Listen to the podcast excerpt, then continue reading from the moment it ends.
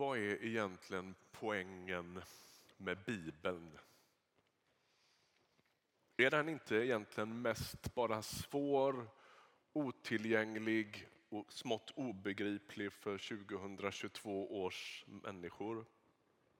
Och ska jag börja läsa någonstans och varför är det så viktigt att läsa den överhuvudtaget?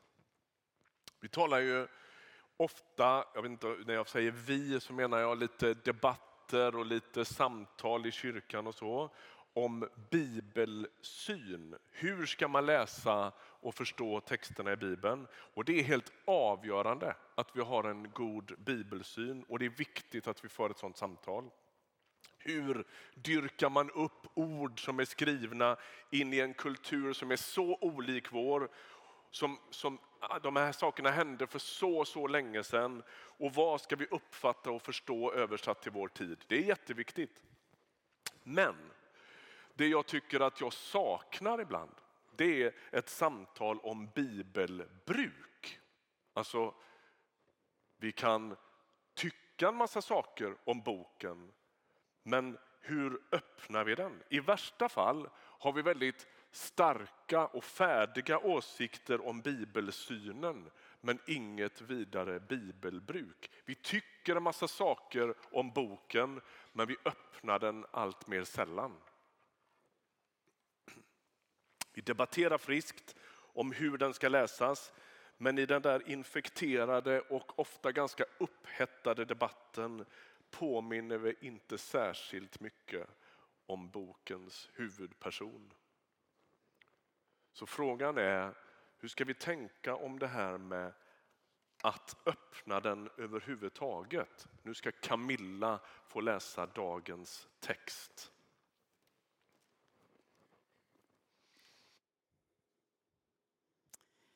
Vi läser från Apostlagärningarna 8, från vers 26. En ängel från Herren sa till Filippos. Gå nu vid middagstiden ut på vägen som leder från Jerusalem ner till Gaza. Den ligger öde. Han gick genast.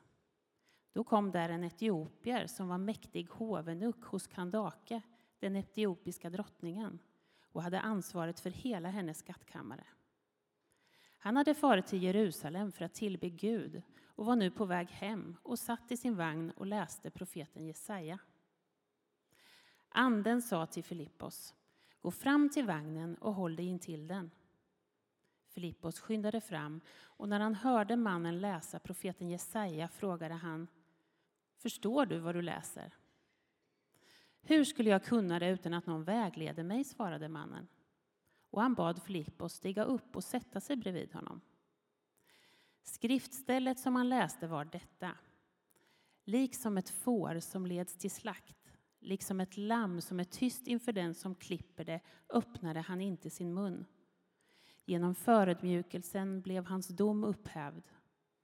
Vem kan räkna hans efterkommande när hans liv nu upphöjs från jorden? Hovmannen frågade Filippos Säg mig, vem talar profeten om? Sig själv eller någon annan? Filippos tog då till orda och med skriftstället som utgångspunkt förkunnade han budskapet om Jesus för honom. När de färdades vägen fram kom de till ett ställe med vatten och hovmannen sa Här finns vatten. Är det något som hindrar att jag blir döpt? Han lät stanna vagnen och båda två, Filippos och hovmannen, steg ner i vattnet och Filippos döpte honom. När de hade stigit upp ur vattnet ryckte Herrens ande bort Filippos och hovmannen såg honom inte mer. Han fortsatte sin resa fylld av glädje. Men Filippos, visade sig, hade kommit till Ashdod och sedan gick han från stad till stad och förkunnade budskapet tills han kom till Caesarea. Tack. I dagens text möter vi den första personliga omvändelseberättelsen i Apostlagärningarna. Tidigare i historien här så har grupper av människor kommit till tro, blivit döpta och börjat tillhöra Jesus. Och det är naturligtvis personliga berättelser det också för den som är med om det. Men de berättas liksom i plural hela tiden. De här människorna har börjat utgöra Jesu nybildade kyrka. Den här gubben som vi följer idag, som är hoveunuck och hovman vid det etiopiska hovet. Han är det hos Kandake. Och jag vet inte om du noterade att Kandake stod med liten bokstav, därför att det är en titel ungefär som farao och inte ett egennamn. Och Kandake hon är etiopisk drottning och mannen i dagens text är hennes finansminister. Han har närmat sig judisk tro och är på sätt och vis en del av den judiska världen. Men jag vet inte om du noterade att han är eunuck. Det betyder att han är kastrerad, vilket var ett var väldigt vanligt vid de olika hoven på den här tiden. Um, och på det, genom att han är det så är han utestängd från att bli det man kallar för en proselyt. Alltså en som av icke-judisk börd vill ansluta sig till judisk tro. Han kan inte göra det fullt ut som kastrerad. Han får inte det. Ehm, han är alltså någon slags outsider trots att han är en höjdare på många sätt och befinner sig i hovet och sannolikt är en ganska välbärgad man så är han utestängd enligt de lagar och regler som gällde från att formellt närma sig den judiska tron. Men han tillber Israels Gud och han dras till denne Gud. Han är på många sätt försatt i något slags ingenmansland, lockad men utestängd. Han dras till tron, men tron berättar för honom att han inte riktigt får vara med. Han är en hemlös outsider och nu har han varit i Jerusalems tempel just i ärendet att tillbe Israels Gud. Förmodligen är det så att han vid det här tillfället har kommit över en pergamentrulle. Du är med på att boktryckarkonsten det är en ganska ung historia från år 1500 ungefär. Eh, innan dess så funkar de här böckerna på ett annat sätt och i den här settingen så har man en rulle med pergament som man rullar ut. Och han har förmodligen kommit över en sån här rulle med text ur den gammaltestamentliga profetboken Jesaja. Och tänker att han gör något väldigt smart. Det är ett smart drag. Det är som att han fattar att han kan inte vara resten av sitt liv i Jerusalem och tillbe templet, men han kan ta med sig texterna. Han kan ta med sig bokrullen med den här verkligheten som drar i honom, som lockar i honom, som han längtar efter. Och så kan han ta med den ända hem till Etiopien. Så han har med sig den här rullen i sin vagn. Parallellt med det här så har Filippos som vi har stött på lite tidigare i apostlärningarna. Han är en av diakonerna, en av dem som tjänar vid borden i, för att lösa en del praktiskt i den tidiga, tidiga kyrkan. Han har varit med om en väldigt märklig tid i Samarien. Han är inte bara, eller endast, um, diakon utan han verkar ha ett ganska tydligt evangelisthjärta också. Gud har rört vid samarierna som av judarna sågs med skepsis och misstänksamhet. Och I Samarien så blir människor befriade från demoner, botade, de får höra budskapet om Jesus. Och återigen så rör Gud vid en grupp som tidigare har stängts ute, som har setts på med skepsis och med förakt. Och det leder till, och det är som att hela berättelsen handlar om hur Gud tar den unga kristna kyrkan vid handen och leder dem till de människor de tidigare lärt sig att varken Gud eller människor ska ha med att göra. Ser du det? Gång efter gång är det som att Gud spräcker de här gränserna. Samarierna, ni vet om, om ni är med lite på, på de här bibelsammanhangen så när vi har läst berättelsen om när Jesus tar vägen genom Samarien så är det en anmärkningsvärd sak därför att judarna brukade runda Samarien och gå runt. Man ville inte gå igenom Samarien av olika skäl. Det fanns historiska skäl till det. Jesus gör det, han går rakt igenom. Och här nu då så ser vi hur på i, i berättelse efter berättelse så vidgas lärjungarnas perspektiv av vem som kan ha med Gud att göra samarierna, den etiopiske hoveunucken och så småningom kommer vi till kapitel 10 i berättelsen här där Gud börjar frälsa människor som inte alls relaterar till judisk tro, nämligen Cornelius, romersk soldat. Och så är det som att det vidgas. Liksom. Och det som Jesus har sagt i sin missionsbefallning, förkunna budskapet om Jesus i Jerusalem, i Judeen, i Samarien och ända till jordens yttersta gräns. Det håller på att hända här. Men de är lite sådär, det verkar på ett sätt som att Filippos är väldigt avspänd i detta. Han är ju inte motsträvig. Så småningom i kapitel 10 så är Petrus betydligt mer eh, svårövertalad när Gud vill röra vid människor som han inte har tro för. En ängel manar Filippos att gå till en öde väg mellan Jerusalem och Gaza. Vi kan bara notera att ibland verkar det som att våra smarta strategier får sig en törn när Gud kallar oss bort från de stora häftiga händelserna och det spektakulära till ett enskilt möte med en sökande människa. Han verkar inte hela tiden tänka volym utan han ser också den enskilda människan. Och så ser Filippos mannens följe och så drar han sig nära hans vagn för att höra vad han säger. Det här handlar inte riktigt om det, men jag skulle vilja ändå på, liksom, se, att du ser vad som står här. Han, han söker sig nära vagnen för att gå precis bredvid. Det finns någonting i det när vi, vill, när vi önskar att människor ska få syn på Jesus. Vem går du nära? Den etiopiska hovmannen läser högt ur pergamentrullen från Jesajas 53 kapitel om Herrens lidande tjänare. Vilka aktörer finns det i den här berättelsen? Dels finns bokrullen, själva bibeltexten. Dels finns anden som leder och föder fram hela den här historien. Och sen finns oss som kan vara lite redskapet i det.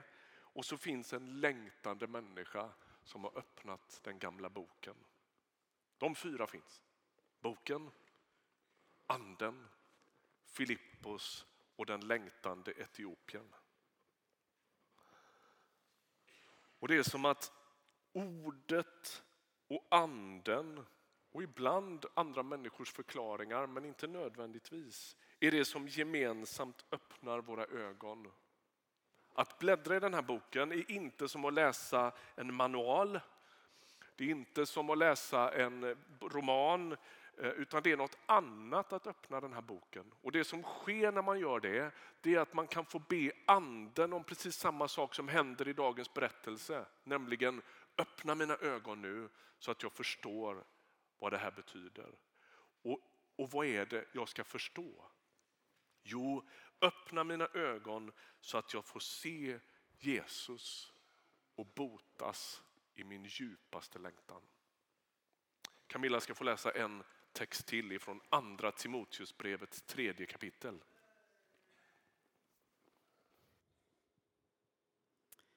Stå kvar vid det som du har lärt dig och fått visshet om. Kom ihåg vilka lärare du har haft och att du ända sedan dina barnaår är hemma i de heliga skrifterna. De förmår ge dig den kunskap du behöver för att bli räddad genom tron på Kristus Jesus. Varje bok i skriften är inspirerad av Gud och till nytta när man undervisar, vederlägger, vägleder och fostrar till ett rättfärdigt liv så att den som tillhör Gud blir fri från sina brister och rustad för alla slags goda gärningar.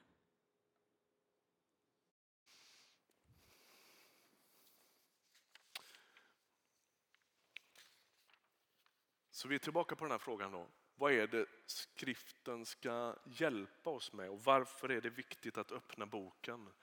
Jo, att den där läsningen, att leva med Bibeln, att liksom bosätta sig i de här texterna har, om jag uppfattar saken rätt, två huvudsyften. Är ni med? Det kommer två punkter i dagens predikan. Vi har inte så ofta punkter, men idag blir det två. Den första, den kunskap jag behöver för att bli räddad genom tron på Jesus Kristus finns tillgänglig här. Det är vad vi läste i den här, eller vad Camilla läste i texten från andra Timoteusbrevet.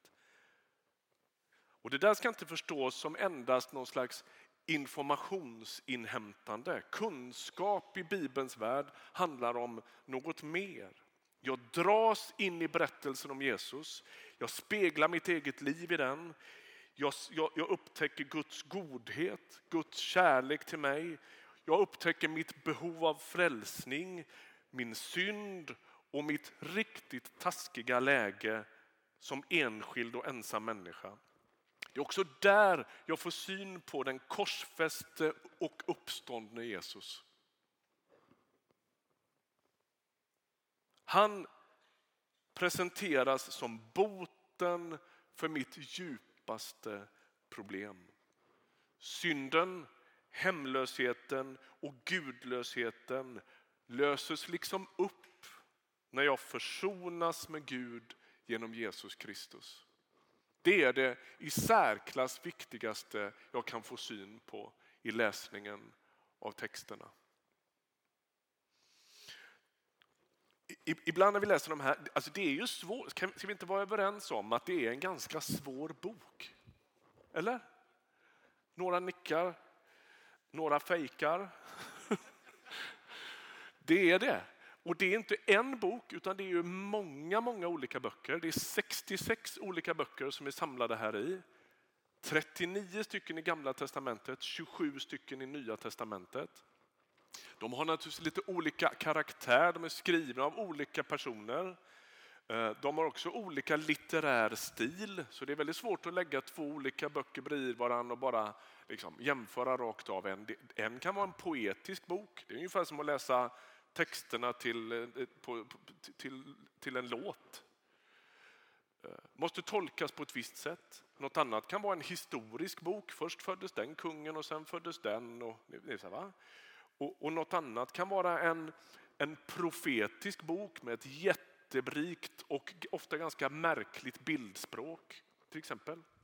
Det är en klurig bok att dyrka upp. Vi kommer till det nästa söndag lite mer, hur man kan tänkas göra det.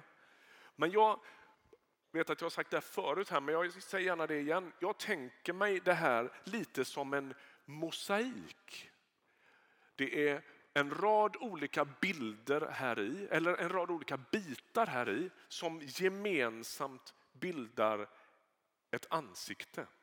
Och Det som är poängen, enligt vad Paulus säger, det är att Jesus är den som jag ska få syn på. Det här är en mosaik. Och Man skulle naturligtvis kunna skärskåda en brun här nere. Det kan ju finnas en viss poäng med det. Jag driver inte med det, utan jag har själv hållit bibelstudier här inne som har skärskådat en brun. Jag fattar det. Men det som är poängen är att jag ständigt måste zooma ut från det för att förstå vilken som är den stora bilden. Vad är det som är Bibelns stora berättelse? Det är berättelsen om Jesus. Det är det jag ska få syn på när jag läser. Det är ett slags narrativ, en berättelse som löper genom århundraden, genom generationer, genom landsbygd och stad, Kvinnor och män, fattiga, rika, slavar och kungar. Och vad är det då vi, som är, vad är det tänkt att vi ska se? Jo, bilden som framträder om man backar en bit är bilden av Guds godhet. Bilden som framträder är djupast bilden av Jesu ansikte. Det är det du ska få syn på. Och då vet jag med mig att det finns en och annan mosaikbit här nere som är fullständigt obegriplig. Helst om jag tittar på den alldeles för sig själv. Det står om jättar och det står om en massa konstiga saker. Och hur ska vi tolka och hur ska vi läsa? och vad, Är det verkligen meningen att vi ska förstå allting bokstavligt och alltihop? Ja, men det kan ha sitt värde. Den typen av samtal har absolut sitt värde. Jag driver inte med det. Men bibelläsningens djupaste syfte är att du ska få syn på Jesus. Och därför kan det vara viktigt, oavsett om du läser i gamla testamentet eller i nya testamentet, att ställa sig ett par frågor när du läser. Den första är, vad säger detta om Guds godhet? En god andlig vägledare han har sagt så här, you can never go wrong by looking at the love of God. Du kan aldrig gå vilse så länge du tittar på Guds kärlek. Vad säger detta om Guds godhet? Och det andra, vad berättar detta om Jesus? Ja men säger du, det kan man väl inte fråga sig om man läser i någonstans i gamla testamentet långt före Jesus ens fanns. Eller fanns, men ja, ni fattar. Ehm, det är en annan predikan. Låt oss läsa från Lukas 24. Jesus har precis uppstått. Ehm, han visar sig för två stycken, förmodligen ett äkta par som är på promenad mellan Jerusalem och Emmaus. Och så står det så här, vi kommer in mitt i den här berättelsen. De är uppskakade för att de har hört ryktet om att graven är tom och de undrar vem som har tagit Jesus och fattar ingenting och de är, det är total förvirring råder. Och så ansluter Jesus men de vet inte att det är han. Och så säger han så här. Då sa Jesus, förstår ni så lite, är ni så tröga till att tro på det som profeterna har sagt? Skulle inte Messias lida detta och gå in i sin härlighet? Och med början hos Mose och alla profeterna förklarade han för dem vad som står om honom överallt i skrifterna.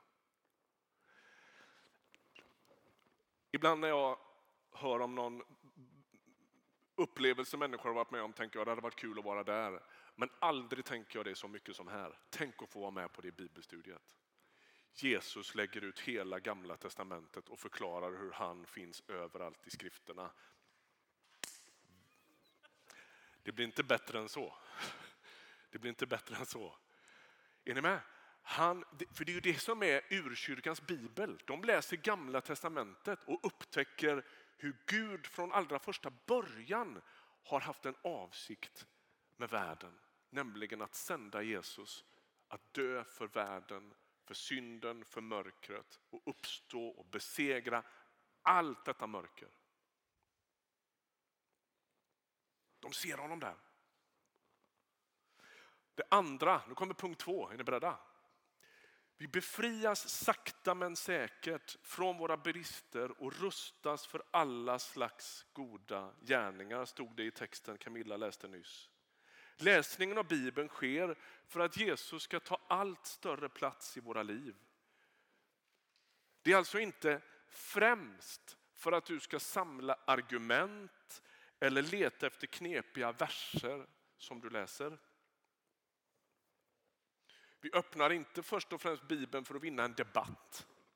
Jag vet att många av er inte ens är i närheten av det, men en del människor är väldigt sugna på det. Utan det handlar snarare om mat för själen och det handlar om att läsa en text som bjuder mitt liv ett visst motstånd. Det där som utmanar mig, som skalar bort en del saker, som ibland faktiskt till och med tränger mig lite grann. Ska jag leva så här? Vart är jag på väg? Vem håller jag på att bli? Tanken är att den här boken är med och formar oss till att allt mer likna Jesus. Och om vi återvänder då till frågorna man skulle kunna ställa sig så är de, oavsett om du befinner dig i gamla testamentet eller i nya testamentet, följande, bara som förslag. Vad berättar detta om mig? Notera att vi inte började här. Vi började med Guds godhet och Guds kärlek. Ut, när jag tar min utgångspunkt i mig själv riskerar jag alltid att fastna i min egen navel. Det, ja. Man får konstiga bilder. Två, vad uppmanas jag att röra mig i för riktning? Tänk inte när du ska formas att likna Jesus allt mer i allt för binära termer. Antingen är jag lik honom eller också är jag det inte. Fundera mycket mer i termer av vilken riktning rör jag mig i? Därför att det hjälper oss mycket mer att inte tappa modet. Vem håller jag på att bli? Ja, men på det här och det här och det här området tycker jag nog att ja, men jag fortsätter att gå och Gud och anar att Gud är med mig i det. Men på det här området så håller jag på att röra mig i en riktning som jag behöver liksom få syn på. Det här kanske inte blir så bra. Vem håller jag på att bli? Vad ska jag lägga av mig? Vad har jag för mycket av i mitt liv? Eller vad har jag lastat på som inte ska vara där? Vad behöver jag omvända mig ifrån? Och det sista, vad är det jag ska ta till mig? Vad är det jag ska öppna mig för? Vad är det jag ska fylla mig med som jag har glömt bort eller som jag har slarvat bort? Hänger ni med? Alltså, det första är att få syn på Jesus och det andra är att faktiskt också i någon mening få syn på sig själv för att formas och allt mer likna honom. Nästa vecka kommer det som sagt att handla lite mer handfast om hur man läser, var man börjar och hur bibelläsningen blir en del av våra liv. Men låt oss avsluta där vi började, hos eunucken från Etiopien. Han läser, genom andens försorg så får han texten förklarad. Han får syn på Jesus och han handlar på det genom att bli döpt. Han är med om ett livsförvandlande möte med Jesus. Den Jesus som framträder i skriften. Och så står det att han fortsatte sin resa fylld av glädje. Avsikten är inte att du ska rynka din panna allt mer, sucka allt djupare och fly från den här boken så mycket du kan. Utan att det skulle fylla dig med glädje. Därför att du får syn på honom som befriar dig. Som får dig att sänka dina axlar. Och som ställer fram sig själv som svaret på din djupaste längtan. Amen. Vi ber tillsammans. Herre Jesus.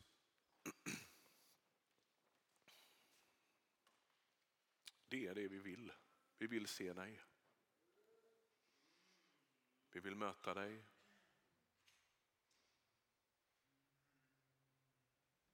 Öppna texterna för oss.